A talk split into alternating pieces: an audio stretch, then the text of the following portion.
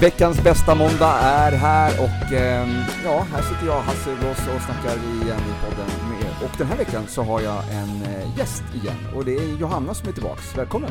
Tack så mycket och kul att vara tillbaka. Ja, kul att ha dig med. Eh, du förresten, eh, det var ju en ganska stor eh, händelse här nyligen. Mello. Mellofinalen, ja jag gjorde ju det. Ja. Eh, Den var bra tycker jag. Så du tycker rätt låt vann eller? Ja, jag tyckte väl att det mm, absolut stod mellan Loreen och eh, Marcus och Martinus om vinsten där. Eh, Och det var ju också de som kom tvåa efter Loreen. Så att, eh, ja, ändå nöjd men var lite öppen för förslag vad gäller vinnaren. Och de här eh, pojkarna där som var med, det var de som var eh, väldigt positiva i eh, Masked Singer. Ja men exakt, de eh, gick under eh, täckmanteln Spelmannen i Just det. Masked Singer. Så en låg gömd i ett positiv. Exakt. Ja, alright. Jag, jag hävdar ju fortfarande då att eh, jag inte riktigt eh, hör vad Loreen säger eller sjunger. Eh, jag, har, jag har tittat på en, eh, jag har tittat, läst texten samtidigt som jag har lyssnat på låten och då, då först förstår jag Förstår jag vad, vad hon sjöng. Ja. Eh, men innan dess så var det liksom bara, jag tyckte bara hon mumla, men jag vet inte, det kan ju vara någonting med liveframträdandet också som gjorde att, det liksom, att jag inte riktigt hörde vad hon sa, eller vad hon sjöng. Ja, ja, alltså inte för att skryta eller så, men jag hörde ju vartenda ord, så att jag vet inte om du borde kolla upp hörseln eller så. ja, kanske det, kanske det. Ehm, jag tittade ju faktiskt på Mello för en gångs skull för att eh, jag har en, eh, en vän, en kollega från Sats faktiskt, eh, Cecil, som jobbar som dansinstruktör ute i Tyresö. En grym instruktör. Hon har egen, egen dansstudio där också. Och hennes dotter var med och tävlade. Kiana. Kul, ja men hon var jätteduktig. Ja, det är kul ha en anledning att kolla om Hon, man inte hon har ju brukar. verkligen gjort en raketkarriär. Hon var ju med i Talang nyligen och sen så eh, tror jag att hon spelade eh, Pippi på någon uppsättning i eh, Junibacken någonting och sen så eh, nu har hon en roll, huvudroll i eh, Trollkarlen från Oz. Kul! Ja, som jag tror inte att den har haft premiär än. Jag tror att de håller på att öva på den fortfarande. Ja, de ska, de ska ha eh, showen i samma, alltså på samma teater som den showen jag är med i. Som du är med i? Ja, men jag har nämnt det någon gång till dig tror jag, kanske inte mer än en gång på något pass. Nej? Eh, men att jag är med i en show så jag skådespelar några dagar i veckan. Oha, Mm. okej. Skådespelare. Ja. Alright, Ja. spännande, spännande. Vad är det liksom, eh, vad är det för, vad är det för, får du mycket, hur mycket får du berätta om det här? Inte jättemycket. Jag får inte säga vad för typ av show det är eller vilken roll jag har. Eh, Jag får säga att jag har två roller, vilket jag har, och jag får säga att vi kommer spela på en teater på Odenplan i maj. Okej. Mm. Maj nu, i år? Ja, om två månader. Aha, Ja, okej. yes. Spännande. Spännande. Alright, men eh, det är inte därför du är här. Nej! Eller, nej. Jo, jag är bara här för att prata om Mello. Det är därför jag är här. Nej, men om vi går på en lite allvarligare ton. Ja, Så förra gången som du var med i podden så eh, var det ju faktiskt så att vi var inne lite grann och nosade på ämnet. Eh, vi pratade lite grann om ätstörning, eller vad ska man säga? Ja, nästan. Alltså ätstörning eller hur man tänker runt omkring mat när man är inne liksom i tränings, träningsvärlden precis. Relationen man får till mat, eh, Mm. eller som vissa får till mat, eh, som konsekvens av att man börjar träna väldigt mycket. Mm. Eh, och vi var inne lite på det. Eh, jag nämnde lite kort då att jag fick problem med relationen till mat Mm. eh, när jag började träna. Eh, men mer än så pratade vi inte om det. Nej, precis. För jag tänkte att det skulle få bli ett till avsnitt. Och Ja. här är vi nu. Här är vi nu. Det tog någon månad eller två, men nu, nu tar vi tag i det här.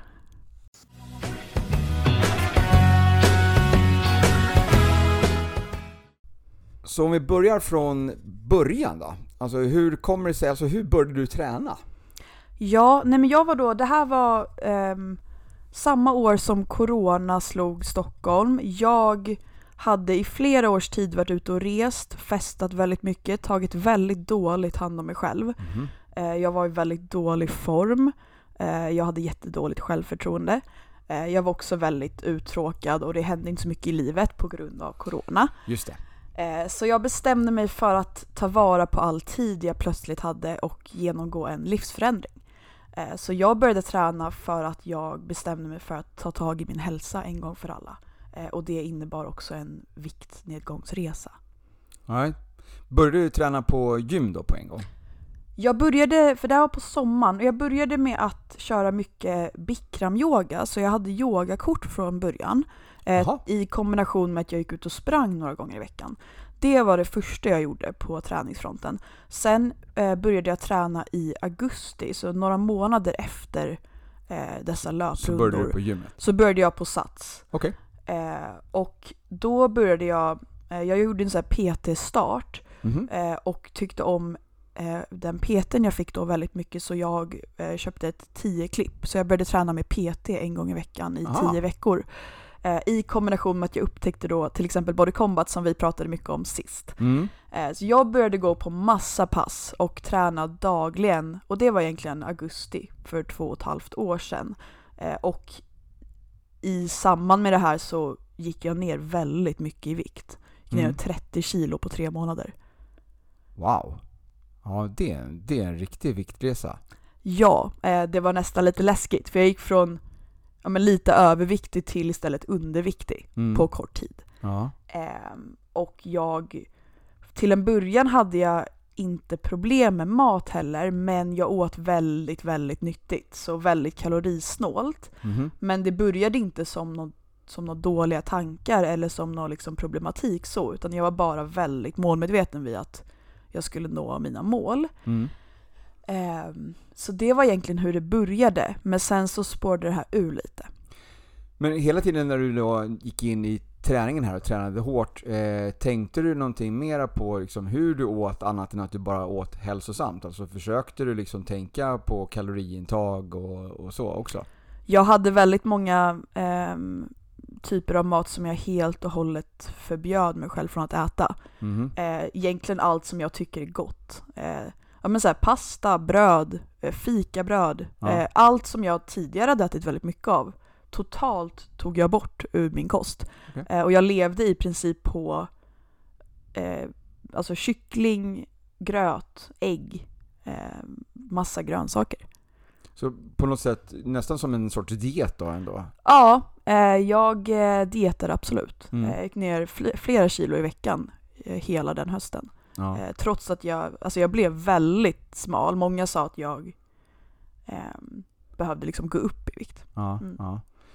Men samtidigt som du tränade du, vad, vad Mm. kände du liksom där i, eh, i vågen, alltså med träningen? Kände du att du fick resultat av träningen också samtidigt? Eller var det bara att du liksom att du gick ner i vikt?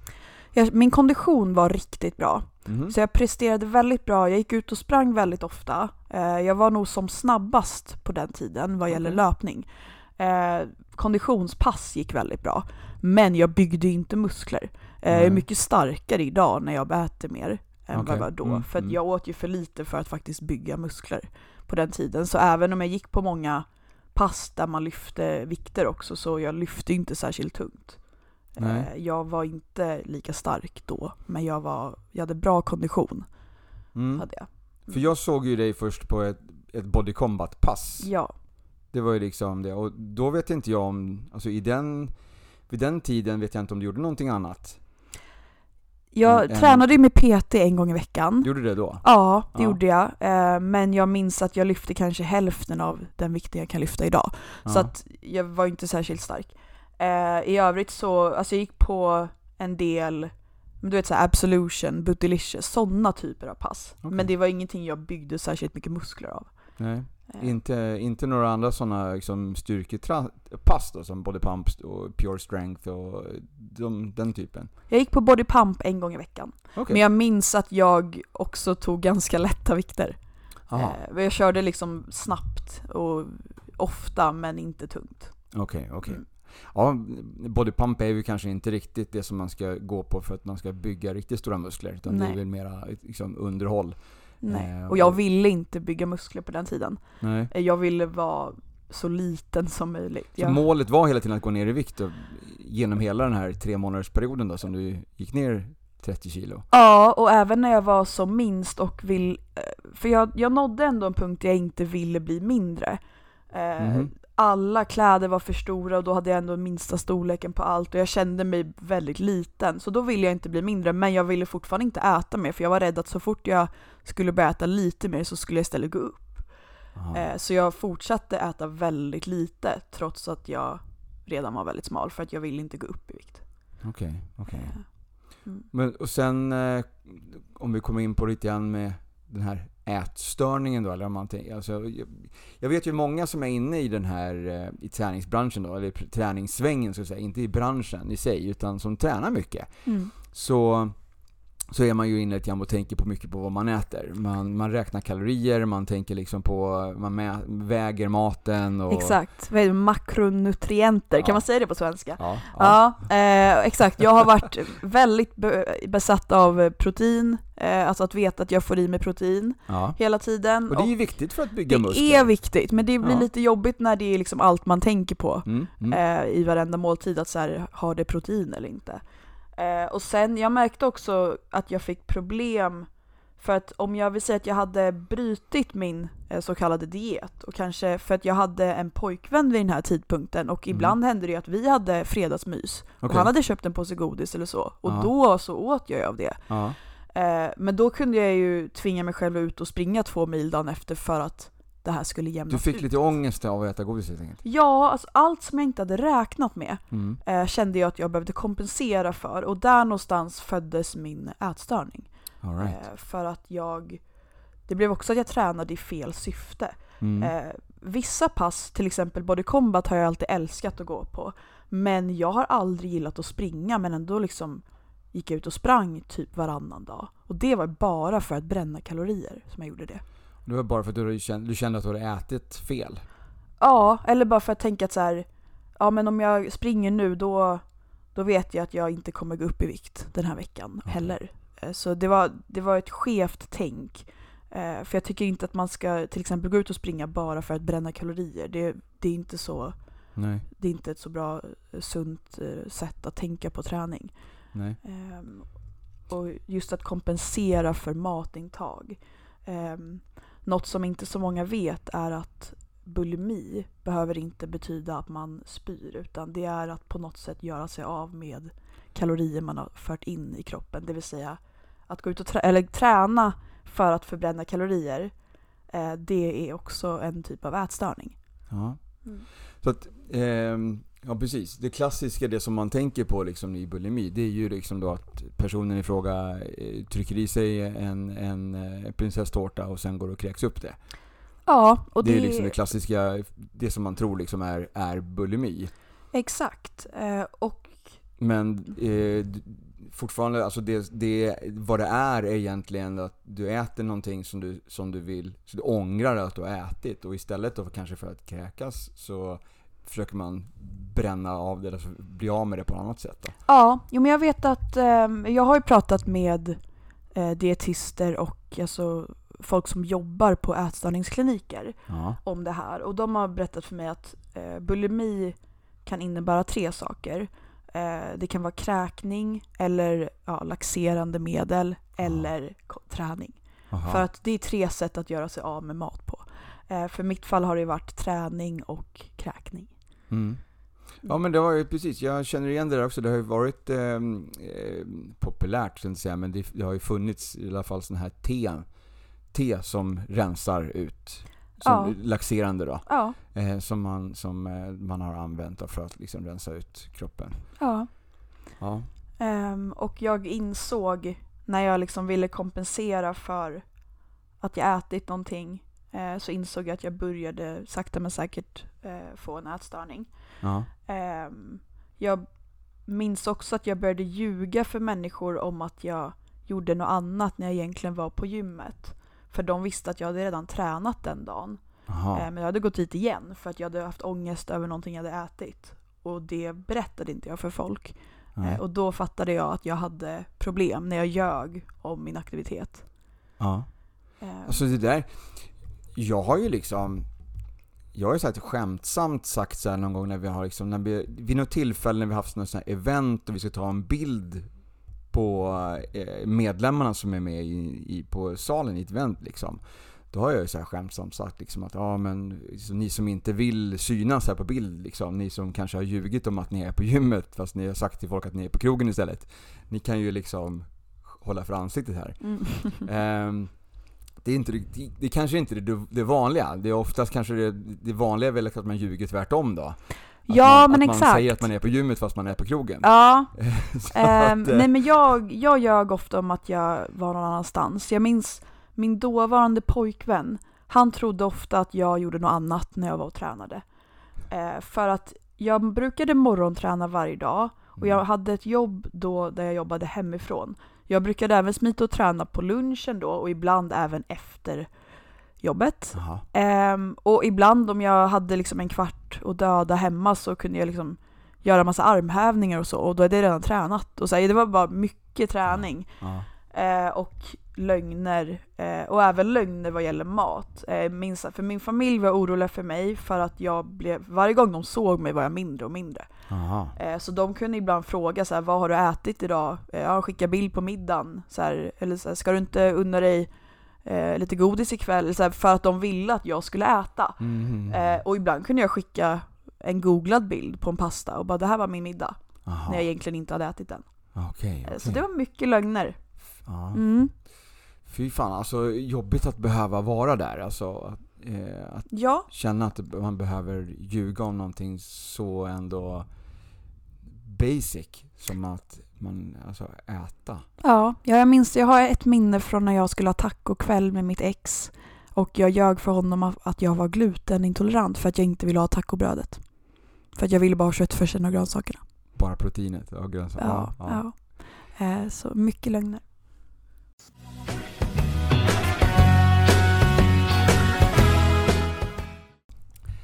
Så när du var där nu då, i det här läget, hur eh, tog du det vidare? Eller alltså, vad, vad hände sen?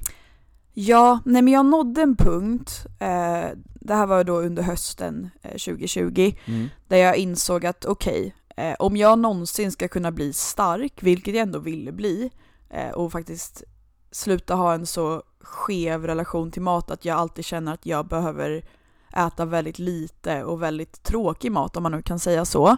Jag ville komma ur det och jag bestämde mig då för att göra det och jag insåg att för att bli stark så behöver man äta mat. Eh, Ja. Ja, eh, och med tanke på hur mycket jag tränade, jag ville inte dra ner på min träning, så jag behövde börja äta mer. Eh, Det var ju också, som vi var inne på sist vi pratade, att jag sov otroligt dåligt när jag Ja, åt så lite. Så jag, jag bestämde mig också för att, för att få bukt med mina sömnproblem så skulle jag börja äta mer. Eh, Och sakta men säkert våga äta mat som jag har varit rädd för Mm. vilket är mat som kanske inte då är dietkulturmat om man nu säger så. Lite mera kolhydrater. Ja, och liksom jag har alltid hela mitt liv varit en godisgris och liksom kunna gå och ta en bulle på ett café med mina vänner som jag alltid har kunnat göra Ja. fram tills eh, det här hände. Ja. Eh, så jag bestämde mig för det eh, och jag började äta mer och till en början så gick det bra och jag hade ingen ångest utan jag Tvärtom så njöt jag väldigt mycket av att äntligen få äta som vanligt igen och jag märkte jag gick inte upp i vikt, jag kände mig starkare än någonsin. Jag började prestera bättre på passen. Okej. Så att till en början var det här väldigt bra. Eh, men tyvärr så blev det att jag sakta men säkert utvecklade eh, hetsätningssyndrom och bulimi. Eh, för att jag tror, jag har läst ganska mycket om det här och pratat med folk som jobbar eh, på kliniker och har fått berättat för mig att när man har eh, ätit väldigt restriktivt under väldigt lång tid så är kroppen väldigt hungrig och skriker efter det som du har förbjudit dig ifrån. Aha. Eh, och i, i mycket mer än vad som anses vara en rimlig mängd av det. Mhm. Eh, så jag ville bara ha mer och mer och mer och jag kunde inte sluta när jag väl började. Eh, och jag minns att det började hända när jag var på till exempel ja, men julafton till exempel, när det finns massa mat Mm. överallt. Mm. Även ja, men all, fester och till exempel bufféer på en restaurang och allt när det fanns massa mat nära mig. Så spårade det ur varenda gång. Och till en början var det bara eh, hetsätning om man säger så, att jag inte i alla fall gjorde någonting åt det efteråt. Nej, nej. Eh, men väldigt mycket ångest och mycket kompensationsträning dagen efter. Eh, Mm. Jag vet inte hur många gånger jag har sagt att jag har nystart på en måndag för att jag har hetsätit i helgen. Jaha. Det har hänt hundratals gånger. Ja. Eh, och då är det kaloriunderskott i veckorna för att jag hetsäter på helgerna. Så har det ofta varit. Så plus minus noll blir det då. Så jag, det, det påverkade inte egentligen min kropp. Så det var ingen som såg att jag fick det här problemet. Nej. För jag var fortfarande väldigt liten. Eh, Precis, du hade ju den här bulimin då med att du liksom, du åt och sen övertränade. Ja, den hade jag redan tidigare. Mm. Eh, Men hetsätningen blev värre. Jag kunde liksom äta motsvarande en månads konsumtion av godis på en kväll. Ja. Gråta och må jättedåligt, ha jätteont i magen. Och så dagen efter kanske jag var fyra timmar på gymmet. Okej. Eh, för att jag hade sån ångest. Mm. Eh, och sen så smög sig liksom den riktiga bulimin, om man säger så, på. Eh, när jag insåg att ah, jag kan ju faktiskt spy upp det här. Ah, Så okej. försvinner det i alla fall, så får jag inte lika mycket ångest. Eh, tyvärr så har jag blivit lite, jag har många i min närhet som har haft problem med bulimi, så jag har alltid tänkt tanken att det, jag vet att det är en grej, jag har liksom hört en del om det, jag vet att det, man kan göra det.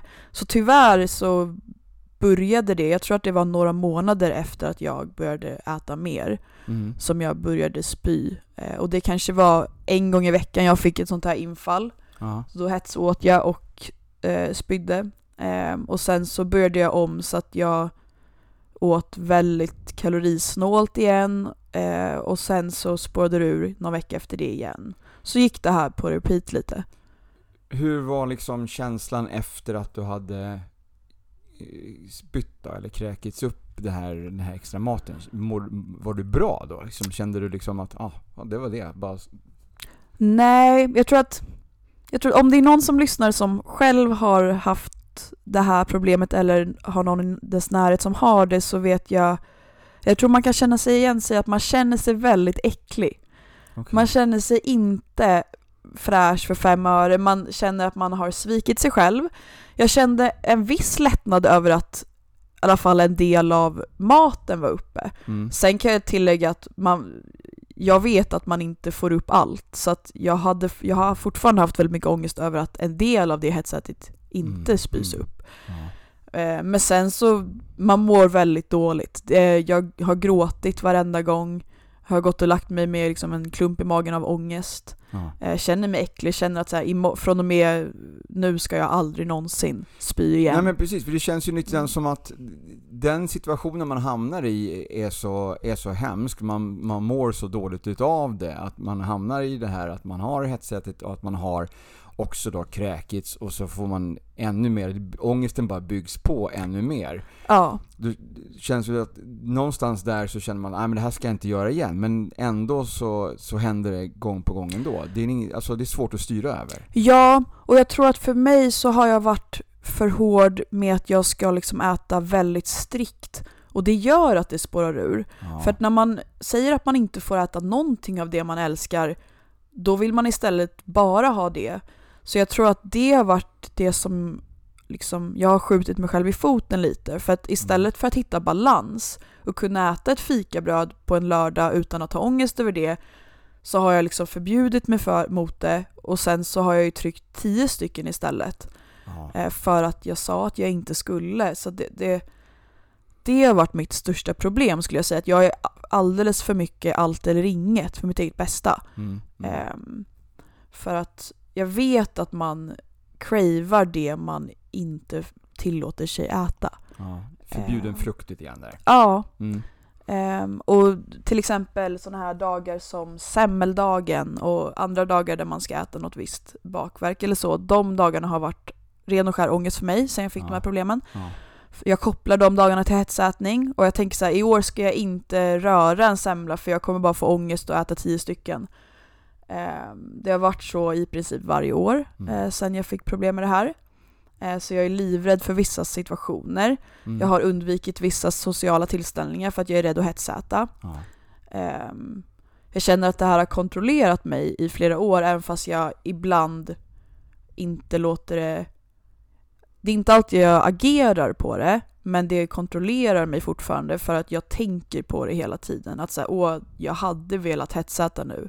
Mm. Så även om jag inte har gjort det varje gång så tänker jag på det hela tiden. Och känner du att det liksom är... Säg att du, du kommer till jobbet, går in i personalrummet och där står det en skål eller ett fat. Där hade du kanske aldrig fått för dig att äta tårta den dagen. Men när det står en tårta på bordet, då har det varit enkelt att bara ta en bit, en bit till, halva tårtan. Exakt. Eh, Jag har väldigt svårt för att ta en bit när jag väl börjar. Eh, Så jag tar hellre i så fall inget alls. Eh, Och ibland har jag tänkt att så här, nej men jag ska visa mig själv att jag kan ta en tårtbit utan att vilja ha hela tårtan. För att jag vill kunna göra det, för det är trevligt och det är liksom det är någonting man vill kunna göra i livet. Mm. Och ibland har jag klarat att ja, men, ta ett fikabröd eller en liten chokladkaka eller ja, du förstår. Vad som Mm. helst som är en portion Mm. eh, och vara nöjd så. Eh, ofta om jag umgås med folk, för det är inte ofta jag hetsäter eh, medan någon ser på. För det är Nej. ju skam kopplat Ja, till ja. det. Eh, men jag har tyvärr många minnen från mitt dåvarande jobb till exempel. Till exempel semmeldagen förra året. Eh, det var redan en dålig dag, jag hade sovit väldigt dåligt den natten, jag skulle jobba kväll. Eh, det stod typ 20 semlor i kylen eh, hos oss. Okej. Eh, ja, jag kanske åt 10 stycken, sen spydde jag och så åkte jag hem och grät. Och det var en dag på jobbet. Ah. Eh, så att, ja. Den, här situationen eh, matas ju människor av dagligen, alltså på sina arbetsplatser. Alltså att man, man har det här tårta på jobbet-tänket då, eller att människan som, som har bakat eh, den här bakverket, tårtan, kakorna, vad det nu är för någonting, har ju någonstans ändå velat vara snäll. Ja. Eh, gjort det här jobbet hemma Mm. och sen tagit med och liksom vill bjuda på den här bakverken och få uppskattning för det jobbet de gjort. Men tänker inte steget vidare då att det kan finnas människor som har den här problematiken. Exakt, och jag tänkte nog inte riktigt själv på det heller förrän jag själv fick den. Mm. Eh, jag tänker dagligen nu på att jag saknar min tidigare relation till mat som jag hade innan jag började träna. Eh, Mm. visserligen så kanske jag inte levde särskilt hälsosamt, men jag hade en bra relation till mat för jag tänkte inte på kalorier, jag hetsåt aldrig, utan jag åt för att det var gott och för att jag var hungrig och sen när jag inte var hungrig längre så åt jag inte, så det är så det ska vara. Nej. Och inte den Eh. ångesten heller som Nej. var kopplad till maten. Nej, och inte lika mycket kunskap. Jag vet väldigt mycket nu. Jag känner att jag vet för mycket. Jag vet exakt hur mycket kalorier allt har. Eh, jag vet liksom allt om allt känns det som vad Mm. gäller mat. Och jag önskar att jag inte visste det. Eh, Ja. för att då blir det att jag tänker på det. För jag tänker så här, ah, gud nej men det här var en väldigt kaloririk måltid. Nu måste jag träna hårdare eller så. Eh, till exempel eh, jordnötssmör har Mm. alltid varit ångest för mig. Det, det kopplar jag till min ätstörning. För att Jaha. jag vet hur kaloririkt det är och jag vet att det är nyttigt om man tar en sked till exempel i gröten. Men varje gång jag har köpt hem jordnötssmör har jag ätit hela burken i en hetsätarattack. Så Aha. ja, för mig är vissa eh, produkter Li- Vissa Eh. livsmedel kan du inte ha hemma helt enkelt. Nej, eh, inte i perioder när jag har som mest problem med min ätstörning. Nej. Eh, jag, de här perioderna är när jag mår dåligt i övrigt. Det kommer ofta mer på vinterhalvåret för jag tycker att det är jobbigare. Eh, På sommaren mår jag ofta mycket bättre och när jag mår bra har jag inte problem med bulimi. Ehm, Okej. Så det är när jag är lite låg i övrigt. Eh, Jag märker också att sömnproblemen jag har kämpat med senaste åren, Mm. de gör ju det här värre för att när man är trött och har sovit dåligt, då har man ju cravings. För man Kroppen behöver- vill ju ha energi. Ja, och då skriker min kropp efter socker Mm. och då tänker jag att så här, ja men då ska jag eh, ta någonting litet som jag vill kunna göra utan att få ångest. Mm. Och så har det ofta eskalerat, tyvärr. Just det här med cravings har vi eh, pratat om i podden tidigare. Om man är nyfiken på det så kan man backa och kolla på och lyssna på det avsnittet. Eh, men eh, alltså jag, jag vet ju att det här, det blir ju liksom en, en ond cirkel av allting. Du har ju verkligen hamnat i det här liksom med med överträningen, eh, med dåliga sömnen som har kommit av överträningen och sen eh, relationen till maten då, liksom hetsätandet för att kompensera för den dåliga sömnen. Eh, och sen så är du tillbaks till att överträna för att kompensera för att du har överätit. Och, ja, och, ja. Och, och ibland ganska strikt dietande tyvärr. ja, Eh, jag, min kropp undrar nog lite vad jag håller på med för att ja. ena månaden äter jag jättelite. Eller inte jättelite men väldigt kalorisnålt om man säger så. Mm. Eh, andra månaden hetsäter jag massor. Eh, så att det svänger ju verkligen mycket. Men jag pendlar ju väldigt mycket upp och ner i vikt också. Jämfört med många andra. Och det är väl antagligen för att det blir så ojämnt i mina matvanor. Ja. Att, att jag är väldigt så här, ja, allt eller inget. Ehm, ja. mm. Jag har ju, vi har ju pratat om det här någon gång på gymmet också, vi har sprungit på varandra och, och alltså jag har ju uppmärksammat att du, du, alltså när jag är på gymmet så är du där.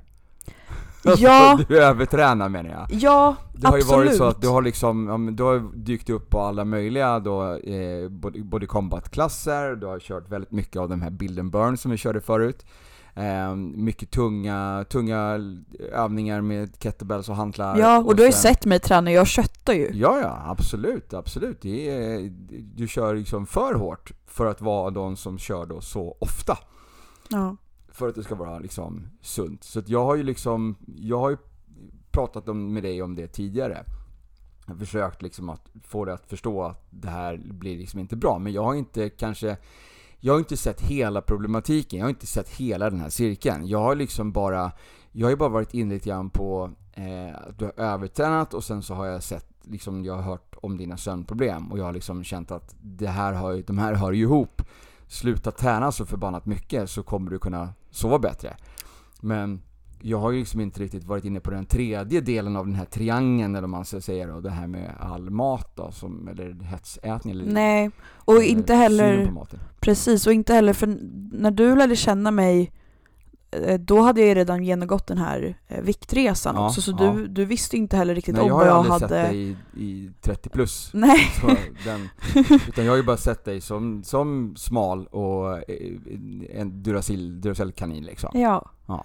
Eh, och sen så har det hänt en hel del upp och ner sen dess. Precis, precis. Jag har ju sett Eh. dig vara i, i, i perioder så har du varit extremt muskulös. Mm. Eh, och lyft riktigt tungt. Mm. Och det är väl någonstans där du liksom lite grann är idag. Jag är mitt eh, livs starkaste jag just nu faktiskt. Jag har Ja. tagit flera personbäst de senaste veckorna. Ja. Eh, och jag har faktiskt just nu en ganska eller relativt stabil relation till mat jämfört med då i alla fall. Mm. Eh, det går fortfarande i perioder, men jag är absolut eh, jag känner mig i form nu och stark.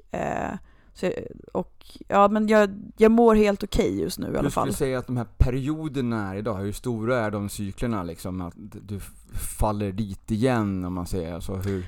Det beror lite på. Jag är sån som, när jag har tappat motivation, till exempel om jag är sjuk och inte kan träna på ett tag, eller om jag får en skada, eller om det händer någonting i livet, så att jag tar en paus från det, då faller jag lätt in i en dålig period med min mat. Okej.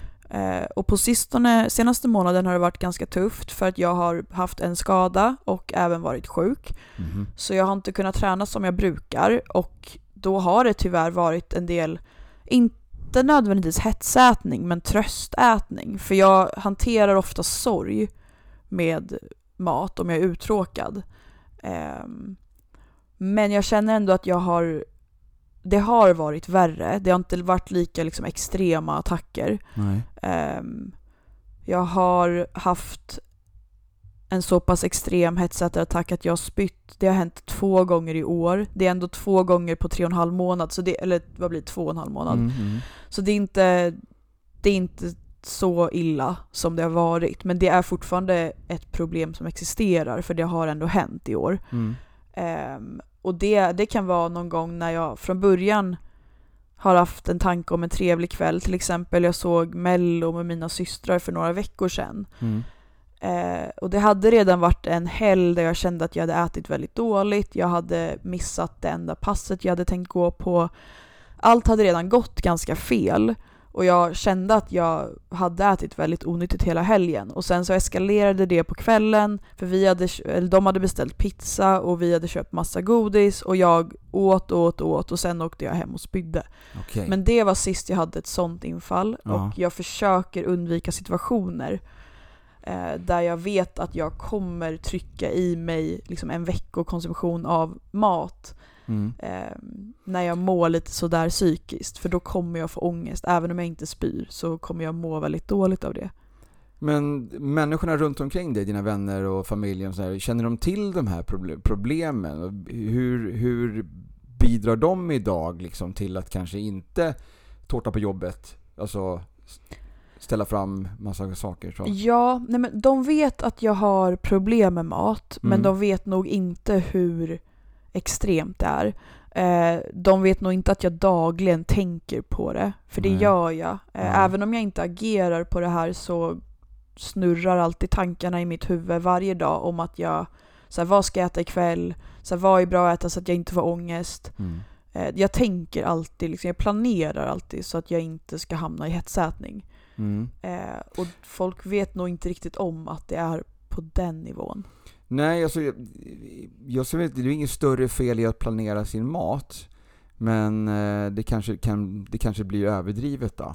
Det blir ofta det, för då, om det sen inte blir som planerat, då blir jag så besviken på mig själv. Och det Aha. i sig kan också leda till tröstätning. För att när jag känner att, att jag har otur och att livet är orättvist och att liksom allt går emot mig, då hanterar jag också det ofta med mat. Okay. Eh, och det leder också till att jag övertränar och jag vill inte överträna.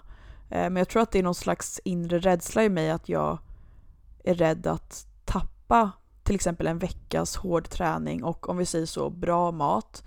Eh, inget liksom dietande så, men att man äter vanligt och inte liksom hetsäter. Eh, det känns som att, eller jag har någon slags tanke om att en sån här hetsätarattack förstör allt det. Eh, Och det behöver inte vara så, men det känns så. Det känns som att jag jobbar väldigt hårt för att nå mina mål och sen så förstör den här ätstörningen för Mm. mig. Mm. Eh, För att det är inte mitt fel, Eh, det är en sjukdom. Mm. Och jag försöker, jag har försökt gång på gång att helt komma ifrån det här. Och i perioder, på somrarna till exempel, då har jag aldrig något problem alls. För då mår jag väldigt bra och då kan jag också äta till exempel en pizza eller ett fikabröd utan att ha ångest över det. Så Okej. jag lever som vanligt helt enkelt Ja, ja. eh, och mår väldigt bra. Eh, Men på vinterhalvåret eller när jag är sjuk eller skadad inte kan heller få de här endorfinkickarna från träningen som jag känner att jag är beroende av Mm.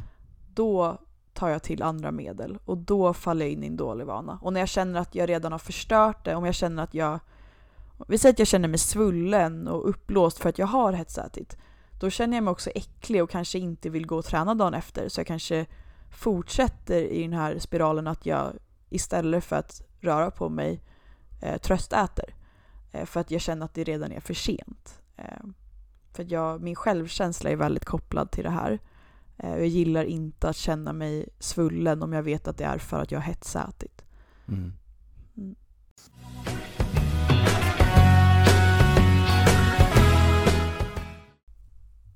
Som anhörig eller som liksom, vän till någon som har såna här ätstörningar, hur kan man agera för att liksom, underlätta för den personen? Måste du ge några tips till, till dem? Ja, dels skulle jag vilja börja med att nämna en sak man inte bör göra. Och det är att om man noterar en viktskillnad hos någon som Mm. man vet har till exempel bulimi, ska man inte kommentera den. Eh, folk har kommenterat min vikt, både när jag gått upp och ner i vikt, väldigt mycket genom åren. Eh, På vilket sätt då? Alltså positivt eller negativt? Har de liksom sagt åh, nu har du, åh vad du har gått ner i vikt eller, eller har det varit liksom Nej, oj många har... du ser smal ut, du Ja, måste äta mer? Ja, många har sagt så här: du ser väldigt smal ut. Mm. Eh, och sen när jag har gått upp i vikt i perioder, då har folk sagt att så, ah, vad bra, du, du är inte lika smal längre. Men det vill jag inte heller höra, för jag kanske inte var så glad över Du att jag hade gått upp. strävade ju efter att gå ner i vikt alltså? Ja, eller jag var inte snarre så- ledsen över att jag hade gått upp i ja, vikt. Ja.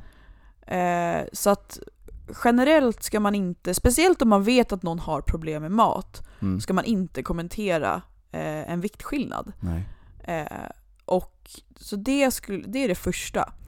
Eh, sen skulle jag säga att man, om man nu till exempel bor ihop med någon som man vet har till exempel bulimi, Mm.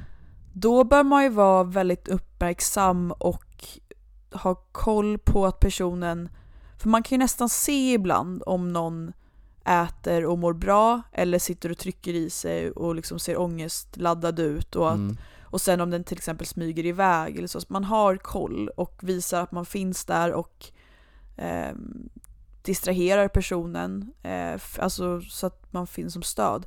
För mig har det här aldrig varit liksom fallet, för jag har ju bott egentligen själv större delen av de senaste fem åren. Mm. Ehm, så jag har ju alltid varit obevakad, om man nu kan säga så. Ja. Eh, och när jag började få de här problemen så visste inte mitt ex att jag hade dem heller. Nej, För jag berättade inte det. nej, Ehm, nej precis. mm, Men eh, sociala sammankomster, alltså när eh, vänner bjuder över liksom Ja. på någon sorts fest eller middag eller Ja. Eh, om man vet att någon har problem med hetsätning eh, så tycker jag att man som vän kan fråga eh, till exempel, känns det okej för dig att det kommer stå chipsskålar här, det kommer stå en tårta framme, det, så här, vill, är det okej eller ska vi göra något annat istället? Eh, mm. och, eh, eller om man säger att, så här, att så här, jag, jag finns här, jag kommer kolla så att du liksom kan ta en bit och om, du, om jag ser att du går och nallar hela tiden så kanske jag säger något. Mm. Å andra sidan så vet jag att jag själv ofta blir väldigt arg om någon kommenterar mitt det känns, hästsätande. Ja men precis, det känns ju väldigt, Eh. då måste man ha en väldigt god relation känner jag om man ska våga liksom kommentera det läget. Ja, jag har blivit så arg. Eh, Jag har haft folk som har kommenterat att så här, oj vad mycket godis du tar eller Mm. så här, ska du verkligen ta en till portion? Eller så här, och det Ja. är det värsta jag... Så jag har blivit så otroligt arg av det. Så att det kanske inte är så bra. Å andra sidan nu i efterhand inser jag att det är människor som bryr sig. Mm, jo, Eh, om de vet att jag har problem med hetsätning. Sen hade det varit en annan sak om de inte visste det då. Men, men om man vet om det och ser att jag eh, kanske är då i en het- hetsätarepisod som det heter. Mm. Ehm, så förstår jag att det är människor som kommenterar det som bryr sig. Eh, men det är jobbigt att höra, även om det kanske är bra i vissa fall. Eh, det beror på. Ehm, jag tror att också om jag hade varit på väg eh, till toaletten för att spy, om någon hade stoppat mig, då hade jag också i stunden blivit väldigt arg, men jag tror att i efterhand hade jag ju tackat den människan idag. Ja. Eh, Så det är svårt det där, Ja. för att det, som anhörig, jag vet själv, jag har en familjemedlem som under hela min uppväxt hade ätstörningar. Mhm. Eh, också en av mina dåvarande bästa vänner i grundskolan. Eh, så jag har varit anhörig till flera Mm. eh, och det är väldigt svårt som anhörig att veta, så här, ska man säga någonting eh, när den sitter och petar i maten till exempel. Jag har haft mycket folk runt omkring mig som har haft anorexi. Ja, ja. Eh, det är väldigt svårt att veta vad man ska göra. Mm. Och jag vet inte exakt vad jag hade behövt att någon hade gjort för mig. Mer än att kanske kolla läget. Om de vet att jag kanske tenderar att hetsäta om jag är ensam på kvällen. Jag uppskattar om folk frågar hur jag mår på kvällen, kanske ringer, kollar så att man är ehm, så att man inte är i en sån episod. Ja. Eh, och att om man nu hade varit det hade jag uppskattat att få hjälp med det. Eller bara sällskap så att jag i alla fall inte är ensam i det här. Mm. Ehm, för att man kan ju liksom trycka i sig massa godis och må dåligt även med folk men jag mår alltid som sämst när jag gör det ensam. Mm. Ehm, ja. Jag tänker spontant så här om man ska ha en middagsbjudning, att istället för att köra buffé så kanske man ska servera. Absolut. Man Ehm, har färdiga portioner liksom. Både förrätt och, och alltså huvudrätt och efterrätt. Absolut. Ehm, Just bufféer, eh, även hotell, frukostar, allt det där att man själv tar maten Mm. har alltid sen jag fick de här problemen varit ångest för mig. Mm. Ehm, För jag kan ofta inte ta en bra portion utan det blir antingen då att, alltså väldigt restriktivt eh, för Mm. att jag inte vågar. Eh, Men oftast så blir det för mycket och att Ja. jag får ångest över det. Eh, Och samma så snacksbufféer när det är liksom, ja du vet, mellomyset med massa godisskålar och Ja. Det blir ofta för mycket och bufféer är jobbiga. Men eh, varför inte ha varsin liten skål då i så fall? Med Absolut. chips och godis. Ja. Alltså, det är väl inte så konstigt, det är svårt att, att ta fram tio skålar. Verkligen, vara- alltså, verkligen. Om man är några stycken liksom. Verkligen, och Mm. där tycker jag också att det hjälper om man är ute till exempel om jag, har, om jag är på en restaurang, äh, äter trerätters, en efterrätt, jättetrevligt. Det leder väldigt sällan till hetsätning. Mm. Eh, utan det är mest när man är hemma och att det är liksom, Där det finns obegränsat. ja, Och det är väl lite grann också hela den här, den har ju, godispåsen har ju vuxit. Om man säger så. Ja. Alltså att förr så kanske den här lilla eh, godiset som fanns på bordet, det kanske bara var en, en liten chokladask med, med 15 bitar Mm. som, som hela sällskapet skulle dela på. Medan idag så är det liksom en stor skål med, med 3 kilo godis. Exakt. Och också när jag väl är inne i en hetsätar eh, attack då kan jag ju först kanske äta ett kilo godis och sen är jag fortfarande inte nöjd så jag kanske ställer mig och bakar mitt i natten. Jaha. Eh, eller rensar kylen på saker jag inte är så sugen på. Alltså verkligen, när jag väl är inne i de tankarna, eh, då finns det inget som stoppar mig. Eh, för då känner jag att allt redan är förstört. Ja, ja. och ibland når jag ju då en punkt där jag redan på förväg bestämmer för att säga okej, jag kan trycka i mig för jag ska ändå spy sen. ja. okej. Eh, och sen, så jag tror att det här med mängden är ett problem. Eh, men det största problemet ligger hos mig, att jag eh, när jag liksom har bestämt mig för att spy, redan där har det gått fel. Mm, För att man mm. ska inte äta med tanken att man sen ska spy upp det. Nej, precis. Eh, det funkar inte så. Nej. Eh, men ja. Alright, så anhöriga, eh, om man, eller vänner om man bjuder på middag, att man kanske då begränsar, alltså man, att man serverar på tallrikar från början istället för att man kan ta mer och mer och mer. Eh, och även med, speciellt då med godiset, kanske inte lika viktigt med maten egentligen. Utan det Nej, nej men exakt. mera viktigt med att eh, efterrätt, alltså inte, att det inte är en, en 24-bitars tårta på, på fem vänner som ska liksom, ha en fika. Utan att man kanske liksom delar upp det här på, på tallrikar och serverar och sen så ställer undan resten. Ja, och sen att man, jag skulle också säga att man ska våga normalisera mat som inte är supernyttig om man säger så. Mm. För att jag tror att om jag ser folk i min närhet äta en bulle utan att ha ångest, Mm. då känns det också mer okej för mig att göra det. För varför ska jag ha ångest om inte de har det? Medan om de skulle vara såhär, nej men jag äter inte det där. Det ger ju mig ännu mer ångest. Eh, för då känner jag i så fall mig ännu äckligare om jag vill trycka tio stycken sådana.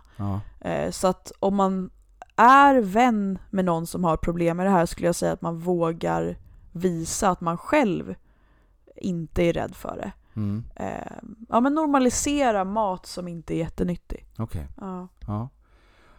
Och tips till andra som, som har liksom, som känner igen sig i det här då? Vad skulle du säga till dem? Alltså, har vi, finns det ens något liksom ett bra sätt att ta sig ur det här? Jag skulle säga först och främst våga prata om det och våga inse att du har en ätstörning.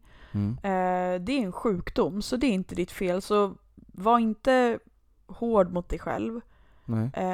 S- våga sök hjälp. Jag har varit i kontakt med eh, Stockholms centrum för ätstörningar Mm. eh, och fått hjälp. Ja. Eh, jag har också varit väldigt öppen. Eh, till en början var jag inte det, men senaste året har jag varit väldigt öppen mot mina vänner med det här.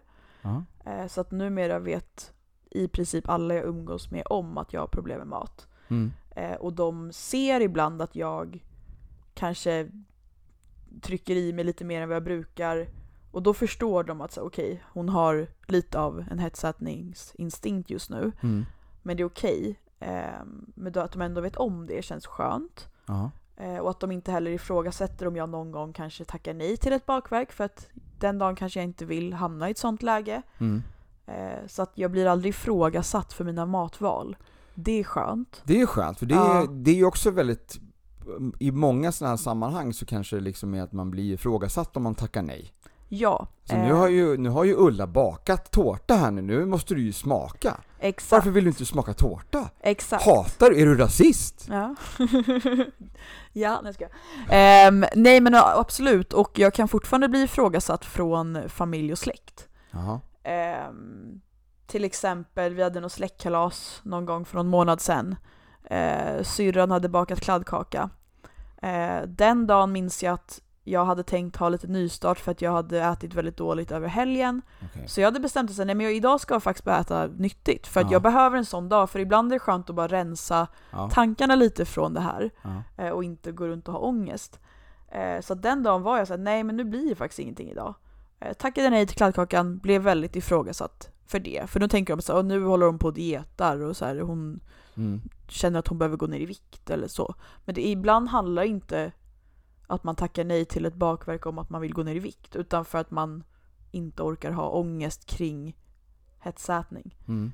eh, som det är i mitt fall. Ehm, för att ibland känner jag bara att jag behöver ha några dagar där jag äter bra och hälsosamt för att inte ha massa ångest över vad jag har ätit. Mm. Eh, för att rensa huvudet från det. Ehm, ja. Så berätta helt enkelt. Prata med, med eh, nära vänner och familj. Berätta hur situationen är så att man kan få liksom stöd. Och, Ja. och, mer än att man blir ifrågasatt. ja, Ehm, och sök, sök hjälp. Det finns flera olika ställen som man kan söka sig till för att få hjälp med. Ja, det gör det. Eh, dels finns det ätstörningskliniker och sen kan man också prata med eh, vanliga psykologer om det här också. Okej. Ehm, jag pratade också, jag nämnde i vårt förra poddavsnitt om att jag gick en KBT-behandling för sömnproblem. Just det. Eh, vi berörde ju även det här, Jaha. i och med att det är kopplat. Eh, jag fick då berättat för mig att jag fick den här, alltså jag fick mina sömnproblem för att jag åt för lite och sen när jag började hetsäta så, ja, hetsätning leder också till att man sover väldigt dåligt för man har ju tryckt i sig massa och sen spytt upp det. Mm. Det ger inte en så bra nattsömn heller. Eh, så att vad jag än gjorde så ledde det till dålig sömn. Mm. Så jag känner lite att det var en ond cirkel, eh, allting. Eh, men lite på, på ett sätt sömnproblemens fel att jag började med det här. Å andra sidan, ja. Allt börjar med träningen, men det är som ett, ett, ett hjul med de tre Ja. som bara le, leder till varandra. Ja, ja, Eh, svårt att komma ur. Eh, ja. Hur känner du idag? Det går i perioder. Fortfarande perioder? Ja. Ja, jag tänker på egentligen kaloriintag hela tiden. Mm. Ehm, men jag låter inte det kontrollera mig helt och hållet. Eh, I perioder har jag ätit väldigt cleant ehm, för att jag känner att jag har velat komma liksom i bättre form efter att ha varit i sämre form ett tag. Och det är okej i sig, men det har ibland eskalerat då, för på samma sätt som förut, att när jag varit för restriktiv så skriker kroppen efter allt jag har förbjudit mig mot. Mm. Så det har absolut skett hetsätning eh, senaste månaderna. Mm. Eh, men det är inte på samma nivå som förut och det är för att jag inte äter lika lite. Eh, jag lyssnar på min hunger. Det är någonting jag har lärt mig från ätstörningskliniken. Att är jag hungrig då ska jag äta. Jag ska inte ignorera hunger för det är då man i slutet av dagen riskerar att hetsäta. Mm. Man har ätit för lite under dagen. Eh, Så jag lyssnar på min kropp bättre idag. Jag tar hand om mig själv bättre idag. Ehm, Jag ser till att jag äter bra. ehm, Och absolut inte bara nyttigt för att då kommer det eskalera när det är för strikt. Mm. Eh, Men jag vill fortfarande känna att jag tar hand om mig själv. Eh, Så att jag försöker hitta en balans. Eh, I perioder har jag väldigt bra balans. Mm. Eh, när jag har det lite tuffare så blir det ofta mycket, inte nödvändigtvis hetsätning, men tröstätning. Ehm, men det är bättre idag än sist. Men jag känner fortfarande tyvärr att jag är lite för... ehm, att jag tänker lite för mycket på kalorier och protein och eh, allt vad det är. Mm. Mm. Känner du att det här att du har varit öppen nu och, talat, och pratat med flera vänner och, och liksom, känner, har det, hur har det underlättat för dig? Det har verkligen underlättat. Mm. Eh, ja, men dels som jag var inne på att jag inte blir ifrågasatt, eh, i alla fall av vänner då, Mm. eh, kring mina matval. Ehm, men å andra sidan så är det ofta när jag är ensam som jag Ja. hamnar lite snett. Eh, och då vet de ofta inte om det. Nej, nej, okej. Ehm, så att, ja, jag, det är svårt. Jag vet inte riktigt exakt hur man skulle kunna underlätta mer Nej. för det här. Eh, jag tror att jag måste hitta det själv. Ehm, och det handlar ju om mitt mående, för bara jag mår bra så har jag en bättre relation till mat. Mm. Och jag vet att man behöver äta, speciellt jag är väldigt aktiv som du vet. Mm. Eh, och jag, jag är i en period just nu när jag känner mig väldigt stark, så jag, jag har en hög förbränning, jag har mycket muskler, jag behöver äta ganska mycket mat. Ja. Eh, jag är hungrig väldigt ofta, vilket också tyder på att jag behöver äta mycket. Mm. Eh, så att jag försöker att inte vara rädd för mat som jag har varit tidigare. Eh, för jag tror att det är rädslan som har satt skeppar i hjulet för mig. För jag vill bli helt fri från det här. Mm. Och jag skulle säga att jag är mycket friskare idag än för två år sedan. Mm. Mm. Eh, men att det fortfarande kontrollerar mig till viss del. Ja, okej. Bra, bra samtal. Det har varit riktigt djupt och jag hoppas att eh, de som lyssnar på det här har kunnat ta till sig också och få lite tips eh, både som eh, anhörig och om man eventuellt har, känner igen sig i det här och känner att man har den här problematiken. Så tack så jättemycket Johanna för att du ville vara med en gång till i, eh, i podden. Eh, nu går vi och tränar va? Nej. Nej, jag har redan tränat idag, men du vet vart jag ska imorgon? Ja, berätta. Eh, Jag drar på semester till Australien imorgon. Härligt. Ja. Härligt. En, eh, vad var det, en vecka, två, nästan två veckor? Var det? Ja, en och en halv vecka. Jag Ja. skulle vara där längre, men jag fick bara ledigt från det här skådespelandet som jag nämnde lite snabbt. Mm. Eh, fick bara ledigt den tiden, så att, Okej. eh, det blir en liten kortis. Ja, Ehm, härligt. Men du, eh, då får du ta och packa din väska och ha en fantastisk semester. Och verkligen njut av den och sen så ses vi på ett pass när du har kommit tillbaka helt enkelt. det gör vi. Bra, hej hej! Hej då!